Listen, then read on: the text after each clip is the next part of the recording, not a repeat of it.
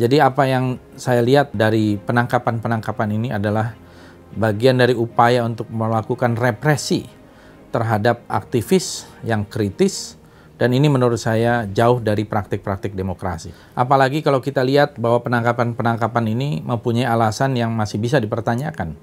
Sementara ada pihak-pihak lain yang mempunyai posisi berseberangan yang diadukan oleh masyarakat sampai sekarang tidak mendapatkan respon dari pihak aparat kepolisian.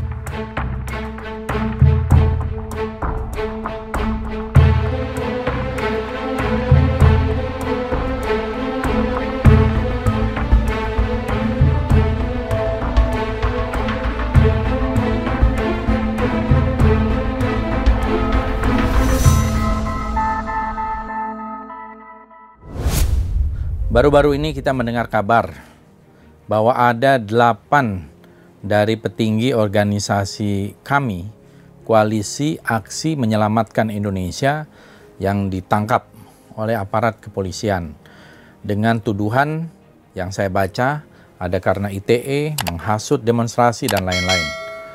Saudara-saudara, ini negara kita ini adalah negara demokrasi di dalam negara demokrasi, segala perbedaan pendapat itu harus ditoleransi. Perbedaan sikap, perbedaan posisi, perbedaan kita memandang segala sesuatu itu harus ditandai dengan toleransi. Itulah yang namanya demokrasi. Tidak boleh kita diseragamkan oleh pikiran-pikiran kekuasaan. Karena kekuasaan pun harus di-challenge, harus ada check and balances itu tugasnya di DPR adalah parlemen, tapi juga ada tugas dari masyarakat, dari civil society, dari organisasi dan kita semua. Karena ini negara ini milik kita semua, bukan milik segelintir orang.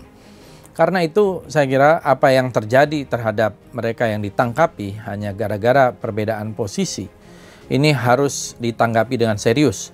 Karena ini pasti merupakan satu ancaman terhadap demokrasi kita, ini mereduksi demokrasi kita, dan malu kita kepada dunia. Kita masih mengatakan bahwa kita ini negara yang demokratis. Karena itu saya menganjurkan dan saya meminta kepada aparat keamanan untuk membebaskan para petinggi dari organisasi kami, para buruh, para mahasiswa, para pelajar, dan mereka yang ditangkapi karena demonstrasi untuk menolak Omnibus Law. Karena penolakan terhadap Omnibus Law ini juga bagian dari demokrasi kita. Ini adalah satu paket. Ada yang setuju, ada yang tidak setuju.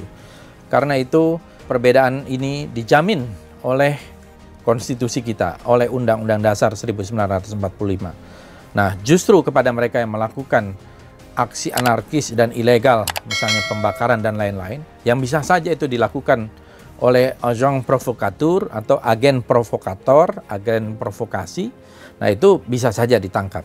Tetapi mereka yang hanya berbeda posisi, mereka yang hanya menganjurkan, mereka yang menghimbau atau mereka yang menuntut dari penolakan terhadap undang-undang Omnibus Law itu dijamin oleh konstitusi kita.